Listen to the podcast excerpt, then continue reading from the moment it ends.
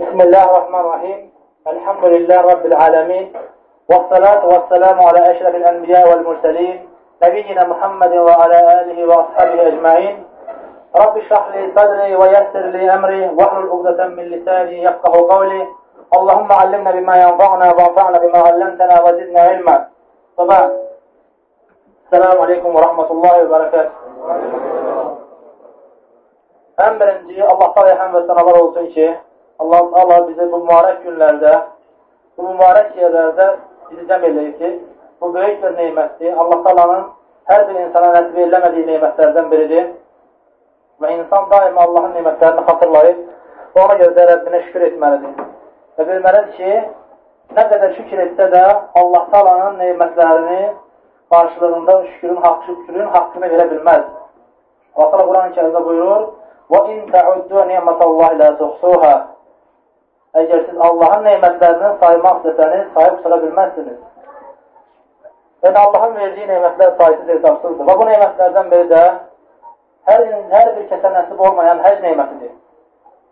Və Allah da həmd və sənəl olsun ki, Allah da bizi bura qədər nəsib edib və Allah da istəyirik ki, bizi kamil şəkildə Peyğəmbərimiz sallallahu aleyhi və səlləmin sünnəsinə uyğun bir şəkildə həcc eləməyi bizə nəsib eləsin. Sözsüz ki, yəni, həcc məsələsindən qardaşların müəyyən qədər xəbəri var. İnşallah məsələyə toxunaraq, ondan öncə bəzi mühüm məsələlərə toxunmaq istəyir ki, ola bilsin hamınızın, çoxunuzun bildiyiniz bir məsələlərdir, amma bu xatırlamaq babandandır, xatırlamaq məsələ tərəfdəndir ki, Allah təala Quran-ı Kərimdə buyurur ki: "Və zəkr fe inne zikra tanfa'ul mu'minin" Xatırla, çünki xatırlamaq möminlərə fayda verir. Hər bir müminin daima xatırlamağa ehtiyacı var. Və qardaşlar bilirik ki, hər bir əməlin qəbul olmasında iki şərt vardır. O şərtlərdən birincisi ixlasdır.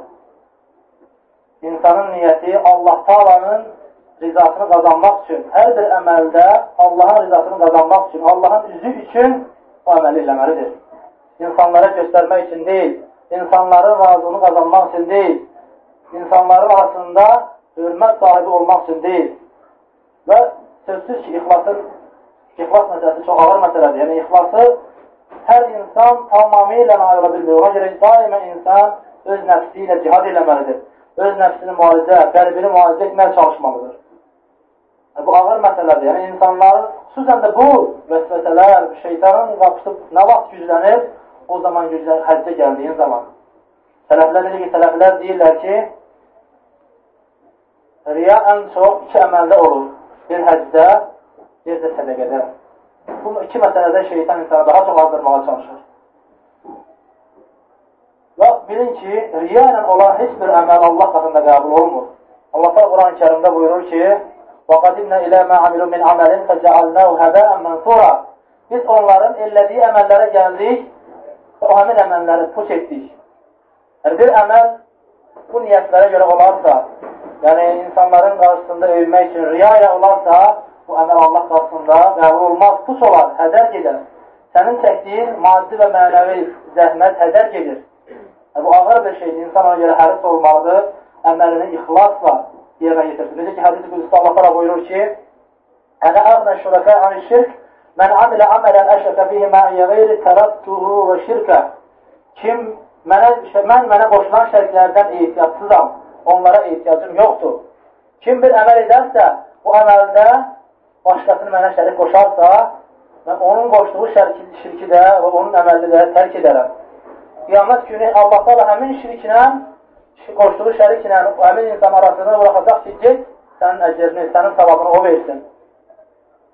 Həmçin Allah da Quran-ı kərimdə buyurur ki, وَلَقَدْ أُوحِيَ إِلَيْكَ وَإِلَى الَّذِينَ مِنْ قَبْلِكَ لَئِنْ أَشْرَكْتَ لَيَحْبَطَنَّ عَمَلُكَ وَلَتَكُونَنَّ مِنَ الْخَاسِرِينَ Ey Rasulum, artıq sənə də vəhiy olundu, səndən öncəki peyğəmbərlərə də vəhiy olundu ki, əgər şirk qoşsan, bütün əməllərin batil olar və ahirətdə də ziyan çəkənlərdən olarsan.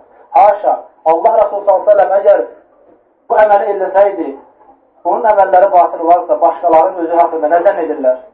O görə insan çalışmalıdır, çalışmalıdır niyyətini saflaşdırmağa və insanlar məni məclislərdə başda otuzdursun deyə, həcci deyib başa çəksinlər deyə həcc etməməlidir insanların arasında hörmət qazanmaq, məclislərdə başa çəkilmək üçün deyil, Allahın əmrini yerinə yetirmək üçün həccin savabını qazanmaq üçün yerinə yetirməlidir.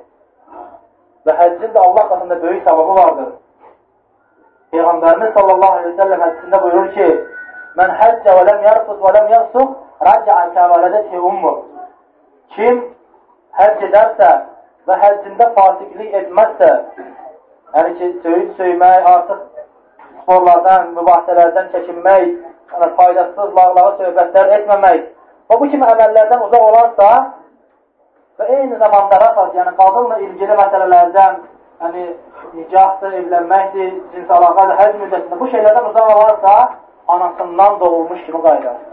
Təsəvvür elə, anandan doğulduğun zaman sənin üzərində bir günah var idimi? Yox. Saf idi. Sən həcdən bu şəkildə qayıdırsan. Başqa bir hədisdə Peyğəmbərimiz sallallahu aleyhi ve sellem buyurur ki, Əl-umratu iləl-umra kəffəratun limə beynəhumə Ümrədən ümrəyə olan günahları, bu iki ümrə öz arasında olan günahları silir. Yəni, sözsüz, burada kiçik günahlar rədd olunur. Vəl-həccül məbrur leysə ləhu cəzaun illəl cənnə və qəbul olan həccin də əvəzi yalnız cənnətdir. Sən 5-6 gün ərzində cənnəti qazanırsan, qardaş. Yəni 8-i, 9-u, 10-u, 11, 12-si, 13, 6 günə. 6 günə sən cənnəti qazana bilirsən. Subhanallah. İndi baxın, şeytan burada necə səni aldırmaq istəyir. Var qüvvəsi ilə çalışır ki, var qüvvəsi ilə çalışır ki, səni aldırsın, haqdan tapdırsın. Ona görə sən həris olmalısan tam hərisi ilə həris olmalısan ki, əməlli, ixlasla və Peyğəmbər sallallahu aleyhi və səlləmin sünnəsinə uyğun bir şəkildə yerinə yetirəsən. Hər bir anda daima ixlas xatırla. Daima qəlbinin niyyətini təzələ. Xatırla ki, qəlbimə başqa niyyətlər gelməsin. Həmçinin, əgər bəzi insanların qəlbinə əvvəldən bu niyyətlər gəlirsə, bəzi ola bilsin ki, şeytan vəsvəsə verir, çalışsın, hələ başlamamış, əmələ başlamamış bu niyyəti düzəltsin. Bu qol şübhələri, o pis niyyətləri qəlbindən çıxartsın ki, mənim əməl, mən əməlimi Allahın rızası üçün edirəm. Həmçinin dünya məsləhətləri üçün deyil, dünya qazancı üçün deyil, ibadəti insan dünya qazancı üçün etməməlidir. Allah Quran-ı kərimdə buyurur ki, Mən kənə yurid həyətə dünya və zinətəhə nuvassi iləyhim ə'mələhum fiyhə və hum fiyhə la yubhasun. Kim əməllərinin qarşılığında dünya həyatının bərbəzəyini, zinətini istəyərsə, biz onlara onu verərik onların da heç bir haqqı azalmaz. Uləikə leysə ləhəm fil, fil əxirəti illən-nar. Onların ahirətdə oddan başqa heç bir payı yoxdur. Və habidə mə sənəu fiyyə mə kənu yəməlun. Onların illədikləri batil olar, puça gedər və illədiyi bütün əməllər batil olar. Yəni, əməl hədər gedir. Allah qatında faydası olmur. Ona görə də ixlas, insan ixlas məsələsinə fikir verməlidir. Və ikinci, əməllərin qəbul olması üçün ikinci şərt də əməlin Peyğəmbərimiz sallallahu aleyhi və səlləmin sünnəsinə uyğun bir şəkildə yerinə yetirməkdir. Hər bütün əməllər, eləcə də həcc, həcci də çalışmalısan ki, Peyğəmbərimiz sallallahu aleyhi və səlləm elədiyi kimi edəsən, onun sünnəsinə uyğun şəkildə edəsən, ona olan müxalifələrdən çəkinməlisən, onun elədiyi formada uzaq düşməməlisən. Bu Peyğəmbər sallallahu aleyhi və səlləmə qarşı çıxmaq sayılır. Əgər insan bunu edərsə, təhlükəli bir şeydir. Və sonra Quran-ı Kerimdə buyurur ki: "Və men yushabiqir rasule min ba'di ma tabayyana lehu'l-huda və yettabi ghayra sabilil mu'minin" Nuvallihi mə təvəllə və nuslihi cəhənnəm və səət masira. Kim ki, haqq ona dəyər olandan sonra Peyğəmbərə qarşı çıxarsa və müminlərdən başqasının yoluna tabi olarsa, biz onu istədiyi yola yönəldərik və sonunda da cəhənnəmə var edilərik. Orada necə də pis bir yerdir. Peyğəmbər sallallahu aleyhi və səlləmin sünnətinə qarşı çıxmaq elə asan məsələ deyil, qardaşlar. Açıq aydın Quran ayələrinə qarşı çıxmaqdır. Allah Rasulü sallallahu aleyhi və səlləm buyurur ki, Mən ata'ani fəqad ata Allah və mən asani fəqad asallah. Kim mənə itayət edərsə, artıq Allaha itayət etmiş sayılır. Kim Allah mənə asi olarsa, Allaha asi olmuş sayılır. Çünki Allah Taala ona əmr edir ki, bizə Allah Taala əmr edir ki, biz Peyğəmbər sallallahu aleyhi və səlləmə itayət edək. Dedi ki, Allah Teala Quran-ı Kerimdə buyurur ki, وَمَا آتَاكُمُ الرَّسُولُ فَخُذُوهُ وَمَا نَهَاكُمْ عَنْهُ فَانْتَهُوا Peyğəmbər sizə nəyi verirsə, nəyi əmr edirsə, onu götürün. وَمَا نَهَاكُمْ عَنْهُ فَانْتَهُوا Nədən çəkindirirsə, ondan uzaq durun. Yəni, Allahın, e, Peyğəmbər sallallahu aleyhi ve sellemin qadağası Allah Taala'nın qadağasıdır. Həmçinin Allah başqa bir ayədə öz məhəbbətini Peyğəmbər sallallahu aleyhi və səlləmə itayət eləməyə bağlayır. Ki, insanın Allahı sevməsi, hər kəs iddia edir ki, Allahı sevirik. Hər birimiz iddia edirik.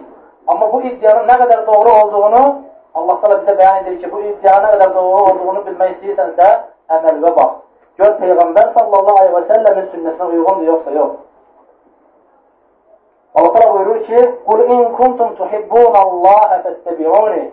Ey Rəsulüm, onlara de ki, əgər siz Allahı sevirsinizsə, mənə tabe olun. Yəni Peyğəmbər sallallahu aleyhi və səlləmə tabe olun.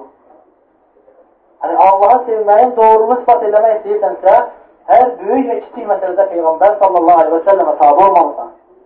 Bunun da müqabilində nədir?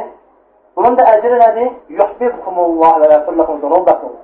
Allah da sizi sevər. Əgər siz Allah Rasuluna itaət etsəniz, Allah da sizi sevər və sizin də günahlarınızı bağışlayar. Peyğəmbər sallallahu aleyhi və səlləmin sünnətinə ittiba eləmək, tabi olmaq üçün iki şey verir. Bir Allahın sevgisini, Allah da sevdiyi quluna əzab verməz. İkincisi də günahlarına bağışlanmadır. Və bu məsələlər mühüm məsələlərdir. Və bundan da belə həc məsələsidir. Və həcdə də çalışmalıyıq qardaşlar. Və bu qayda kimi, bu imama qaydalardır. Sonra biz xırda həccin təşkilatlarına gələndə heç kəs gəlməsin. Artıq bu qaydaları götürürük. Başa düşürük ki, hər bir məsələdə baxırıq. Peyğəmbər s.ə.v eləyirsə, eləyirsə, eləyirik, eləmirsə, eləmirik. Və bunlardan da biri həc məsələlərində. Həc məsələlərində bugünkü nə qədər xurafatlar, insanlar nə qədər xurafatlar edirlər. Sən o xurafatlara baxmamalısan. Baxmalısan ki, bu Peyğəmbər sallallahu aleyhi və səlləm onun xeyirli sahabələri ediblərmi? Edirlərsə, biz də edirik.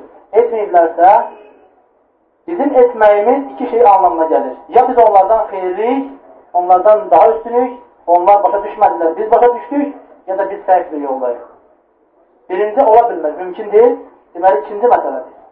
Ona görə sünnəyə ittiba eləmək mühüm, mühüm bir məsələdir. Yəni, Peyğəmbər sallallahu aleyhi ve sellem sünnəsinə bağlanmaq, hər bir şeyi sünnə üzərində eləmək mühüm bir məsələdir. Ona görə Fudayl ibn İyad rahiməhullah buyurur ki, İttəbi səbiləl haqq və hudə hidayət yoluna və haqq yoluna tabi ol. Və lə yədurrəkə qilləti səlikin bu yolda olanların azlığı sənə zərər verməz. وَحْزَرْ سَب۪يلَ الْغَيِّ وَالْبِدْعَ Bidat yolundan, azgınlıq yolundan uzaq dur. وَلَا يَغُرَّكَ كَسْرَةُ سَهَالِكِينَ O bu yolda olanların da çoxluğu səni aldatmasın. Yəni, insanların çoxluğuna baxmayın ki, insanların çoxsu bu əməl edir, mən də edir. Ona baxmayın. Əslində, ibrət çoxluqda deyil. İbrət Quran və sünnəyə uyğunluqdadır. Allah Quran-ı kərimdə buyurur ki, وَاِنْ تُطِي أَكْثَرَ مَنْ فِي الْأَرْضِ yudilluk an səbilillah. Əgər yer üzündə olan insanların çoxsuna tabi olsan, onlar səni Allahın yolundan aldırarlar. Həmçinin başqa ayədə Allah bəyan edir ki, وَقَلِيلٌ مِنْ عِبَادِيَ şəkur Şükür edən qullarım azdır. Ona görə çoxluq insanların görəcəksiniz. Yəni, əzzə insanların çoxu hansı əməllər edirlər? Arafa günü xüsusən görəcəksiniz, hansı əməllər edirlər? Yəni, onlar bizim üçün ibrət deyil. Bizim üçün ibrət Peyğəmbər sallallahu aleyhi və səlləmin sünnəsidir. Ona görə insan tam hərisli ilə buna həris olmalıdır. Həmçinin qardaşlar, mühüm olan məsələlərdən biri də çalışdığımız qədər, bacardığımız qədər bu günləri, bu mübarək günləri ibadətə keçirməkdir. Peyğəmbər sallallahu aleyhi və səlləm hədisində buyurur ki, Allaha ən sevimli olan əməllər, ən üstün olan əməllər Zilhiccənin ilk 10 günündə olan əməllərdir. Və Altına Quran-ı kərimdə buyur ki, وَلَيَالٍ عَشْر And olsun 10 gecəyə və təfsirçilərin çoxu da deyir ki, bu Zilhiccə ayının ilk 10 günüdür. Bəzi alimlər deyir, e, Ramazan ayının son 10 gecəsidir. Bəziləri deyir ki, Zilhiccənin ilk 10 günüdür. Və bu, bu gündə elə bir gün var ki, bu 10 günün içində elə bir gün var ki, o bütün günlərdən daha xeyirlidir. Bu da Arafa günüdür. Arafa gününün öz fəziləti var, öz əzəməti var. İnşallah ki, bu barədə ətraflı danışacaq.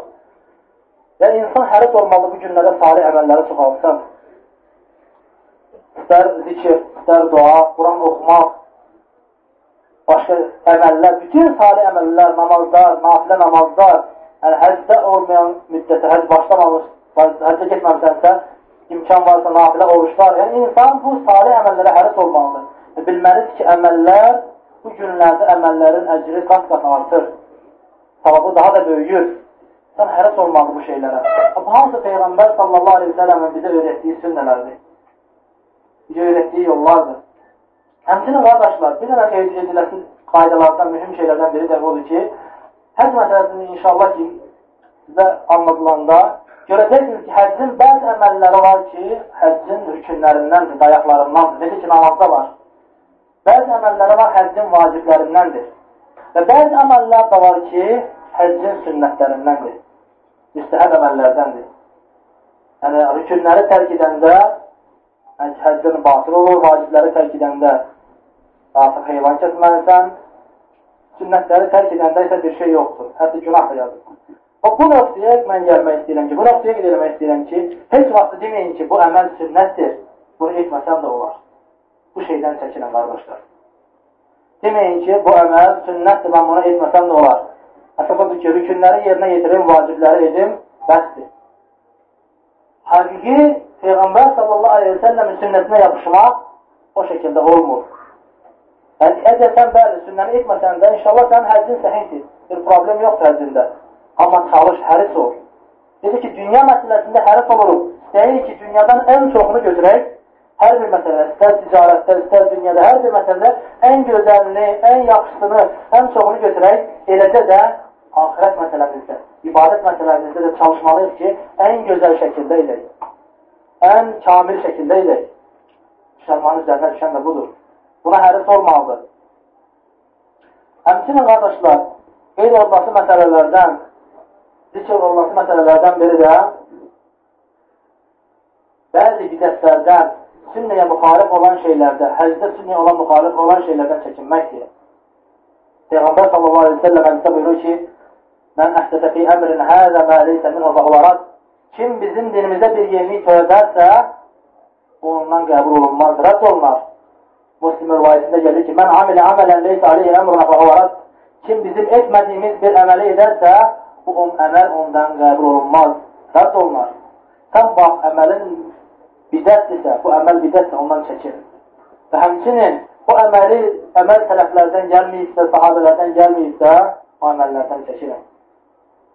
Bu ümumi qardaşlar, ümumi qaydalardır, ümumi nəsihətlərdir. Həmçinin qardaşlar, imanı artıran məsələlərə həris olun.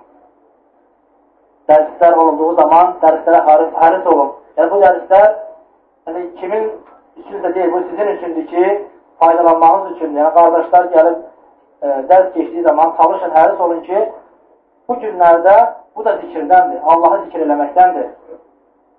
Çünki bir toplum bir yerə yığılarsa, Allahı zikir edərsə, necə ki, Peyğəmbər sallallahu məclisində buyurur, onlar üçün dörd dənə mükafat var.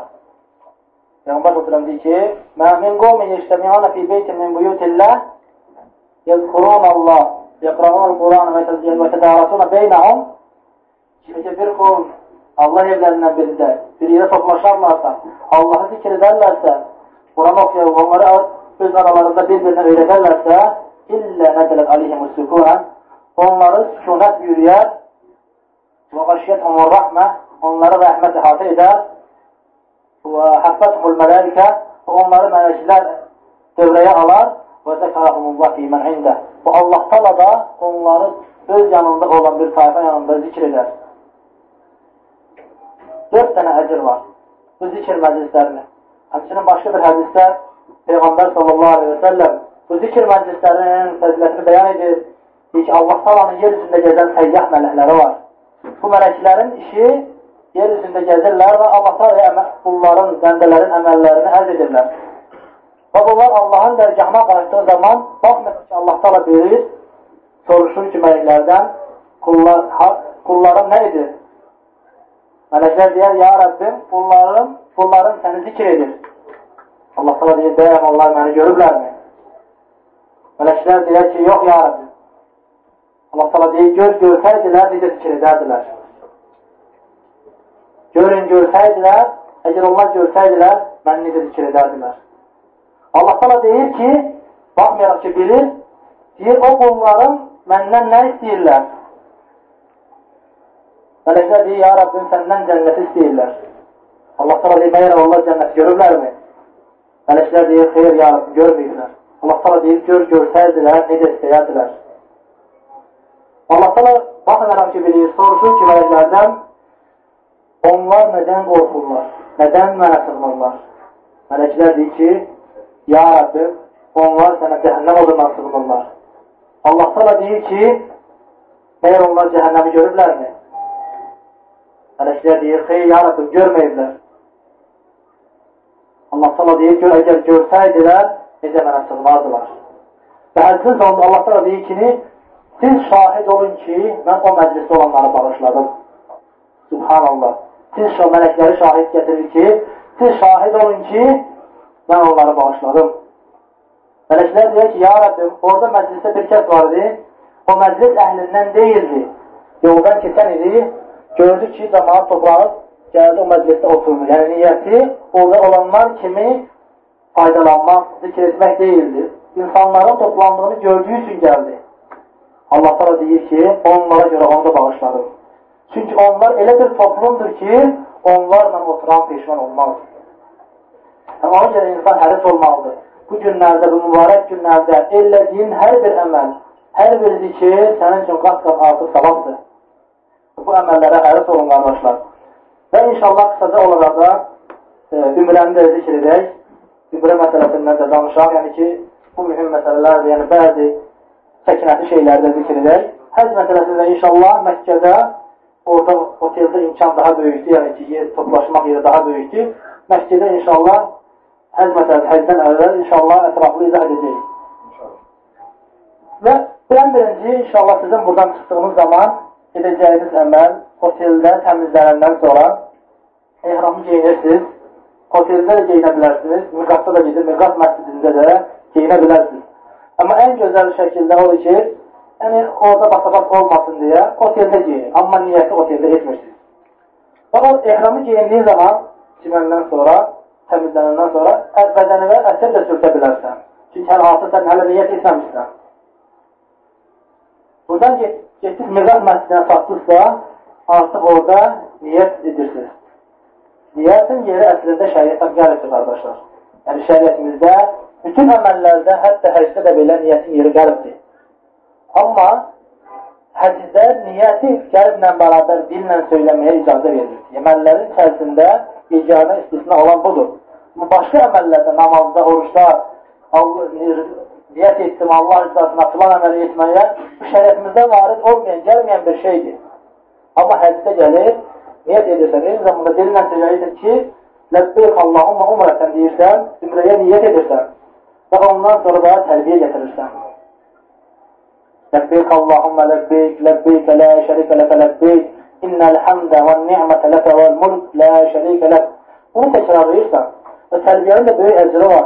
Peyğəmbər s.ə.v bəyan edir ki, Əgər sən tərbiyə, uca səslə tərbiyə etərənsənsə, onu eşidən hər bir dağdaş qiyamət günü sənin üçün şəhadət getirəcək. Sənin tərbiyəyə şəhadət getirəcək. Ona görə yorulma.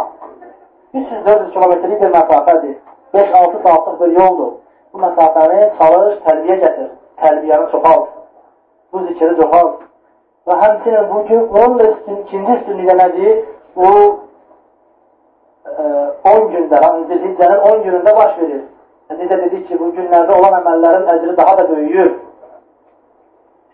Və sən gedirsən və bu müddətdə ehrama niyyət etdinsə, ehramda belirli qadağan olunan şeylər var. Ehram sözü haram sözündəndir. Yəni, halal olan bəzi şeylər sənə haram olur. Onlardan birincisi cinsi əlaqə və yaxud qadına yaxınlıq və ya qadınla ilgili hər bir məsələ haramdır.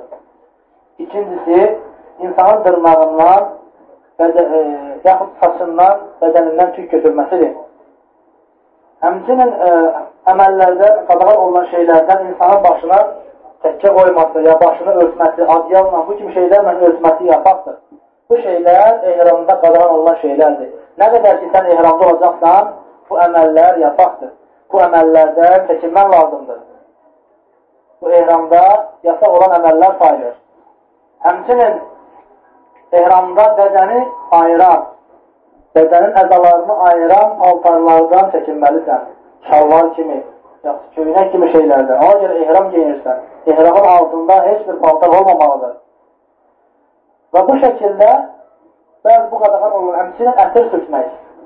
Ətir vurmaq. Ehrama girdinsə artıq ətir vura bilməzsən. Bu da ehramda qadağan olunan şeylərdəndir. Ta ki, sən ümrəni bitirənə qədər bu qadağalardan çəkinməlisən. Ümrəni bitirəndən sonra artıq bu şeylərdən faydalana, yenə faydalana bilərsən. Yəni, həc başlayana qədər bu şeylərdən faydalana bilərsən. Və siz Məkkəyə gəldinizsə, inşallah, çatırsınız, gəldinizsə Kəbəyə, tavba başladığınız zaman artıq təlbiyə kəsilir. Ləbbeyk, Allahümə ləbbeyk, artıq bu diyarar. Gəlirsiniz qara daşın yanına, sağ çiyninizi açırsınız. İhramı koltuğunuzun altından bu çiyninizə doğru atırsınız. Yəni, sağ çiynin tam açıq qalır sənin. Və buna ittiba deyirlər. Yəni, sən sağ çiynin açıq qalır. Və bu yedi e, qurğun hamısında, yedi dövrənin hamısında olmalıdır. Və bu da həccin sünnətlərindəndir. Vaciblərindən deyil. Amma, necə ki, qeyd etdik başda, ən xırda belə sünnə olsa belə tərk etməyin. Həri sonuncu sünnən edəsiniz. Və gəlib qaradaşın yanından Bismillah Allah akbar deyirsən, qaradaşı işarə edərək tapıfa başlayırsan.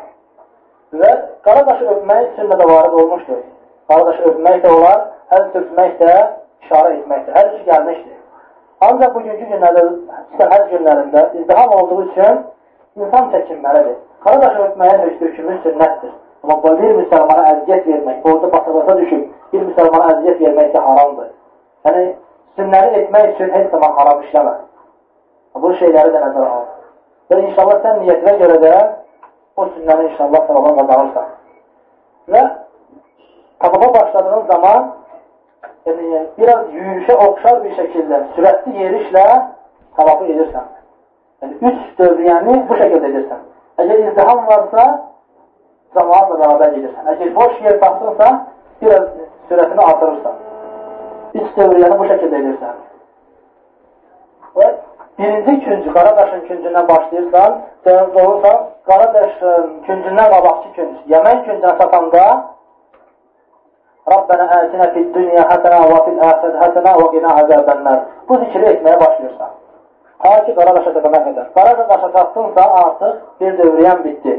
Və Qaradaşla təzdən Allaha güzel deyərək ikinci dövrəyə başlayırsan. Yəni, artıq dedik, Yəmən küncündən Qaradaş arasında hansı zikir oxumaq lazımdır? Bu sünnədə varid olmuşdur zikirdir. Amma qalan vaxt isə müəyyən bir zikir gəlməyib ki, birinci dövrədə filan zikir oxu, ikinci dövrədə filan zikir oxu. Peyğəmbər sallallahu aleyhi ve sellemə və onun sahabələri bunu etməmişdir. Və bu dövrələrdə sənin işin istiğfar etmək, dua etmək, Quran oxumaq, istənilən zikri, istənilən duanı edə bilərsən. Yəni, müəyyən bir zikr, müəyyən bir dua gəlməmişdir sünnədə. Və bu şəkildə də siz üst dövr, yəni istəkər sürətlə imkan etməyə imkan varsa sürətlə davam edirsiniz. Qalan gerdə alan dörd dövrəni isə adi yerişlə bitirirsiniz.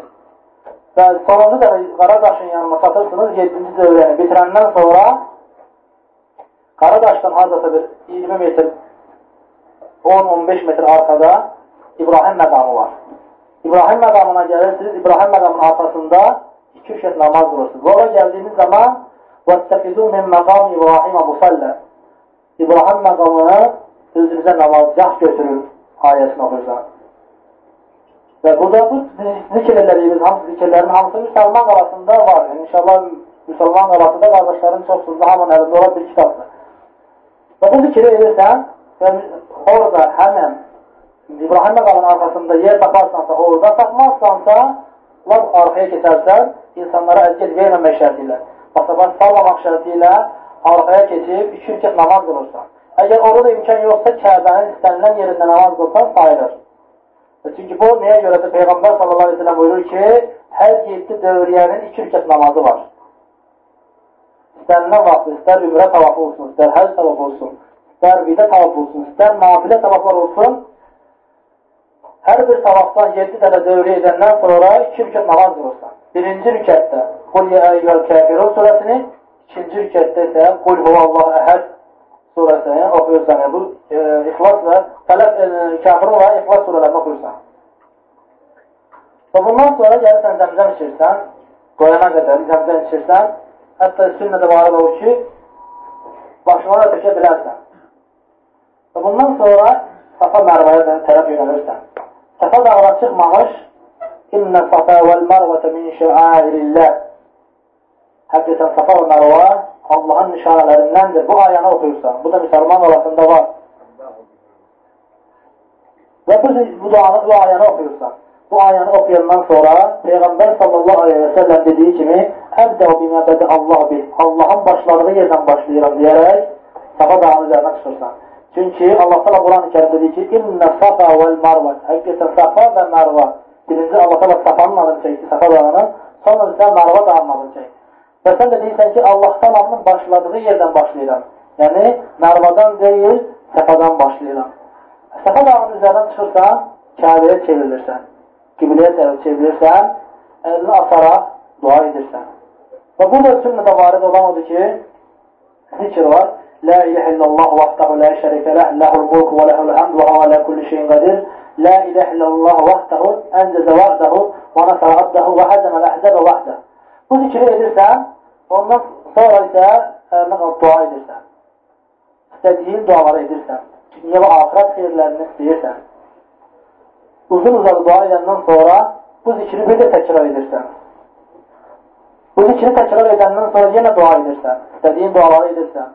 Üçüncü dəfə bu zikri təkrar edirsən, sonra isə mərvəyə tərəf yönəlirsən.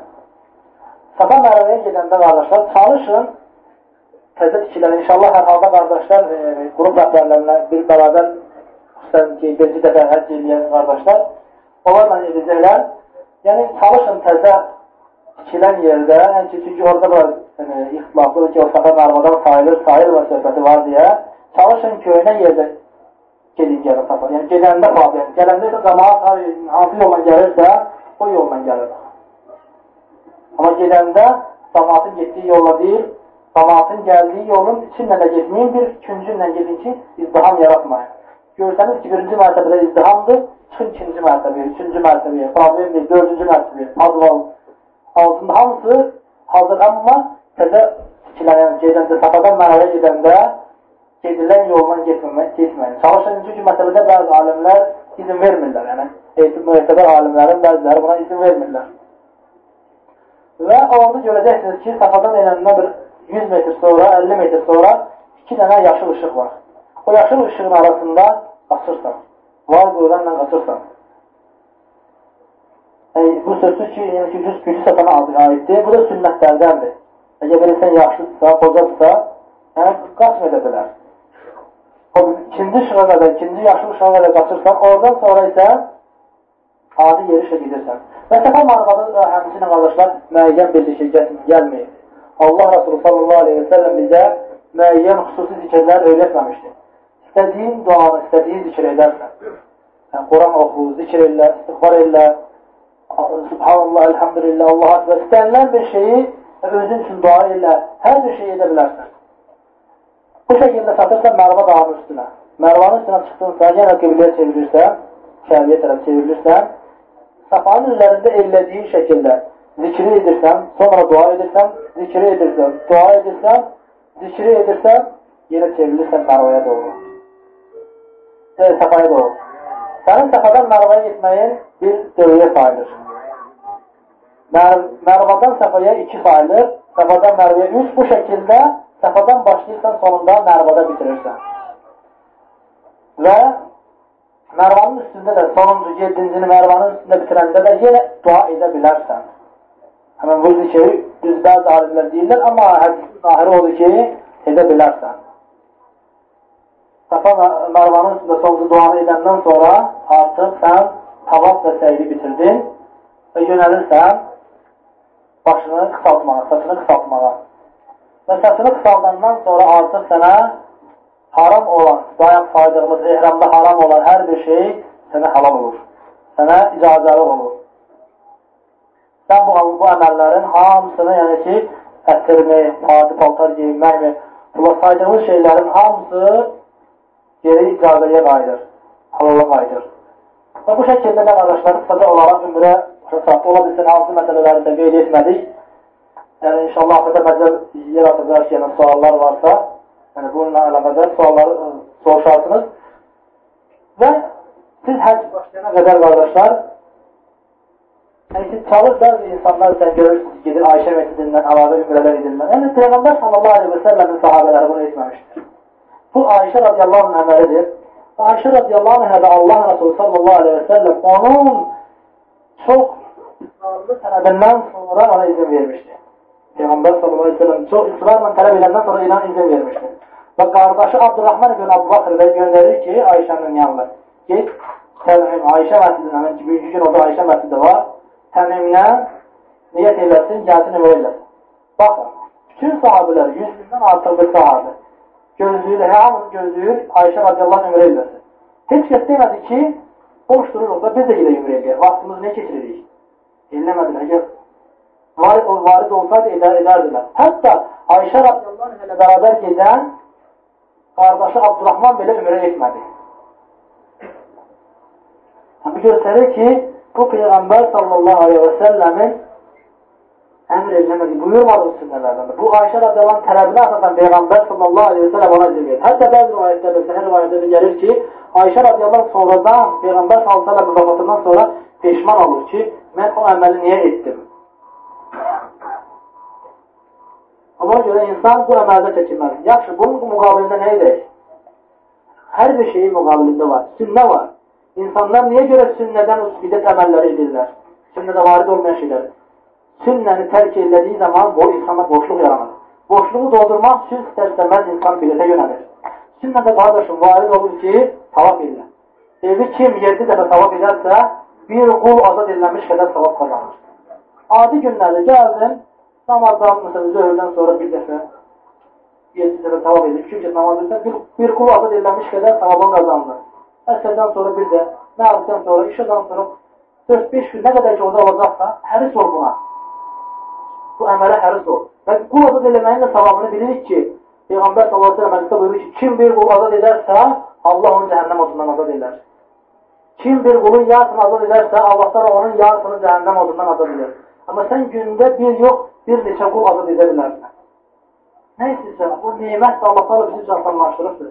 Həris ol. Bu şeyləri etməyə hər həvəslə, hərislik göstər. Həmçinin namazda 100 min namazdır. Başqa məscidlərdən 100 min dəfə savabı daha çoxdur. Zaman şəkildə namazlara rumağa həris ol. Və bu şəkildə də ki, inşallah 8-ci günə qədər gələcək. İnşallah 8-ci gündən sonra gedəcəyimiz əməllərdən inşallah Məkkədə dərsdə olacaq, orada ətraflı danışacaq. Allah'ım razı deyirəm ki, bizi eşidib faydalanlardan eləsin, eşidib yaşına tabi olanlardan eləsin, bizim əməllərimizi qəbul olanlardan əməllərdən eləsin. bizi bağışlanan qullarına eləsin. Subhanəkallahumma bihamdik, əşhədən la ilahe illallah və əşhədən ənə Muhammeden abduhu və rasuluh.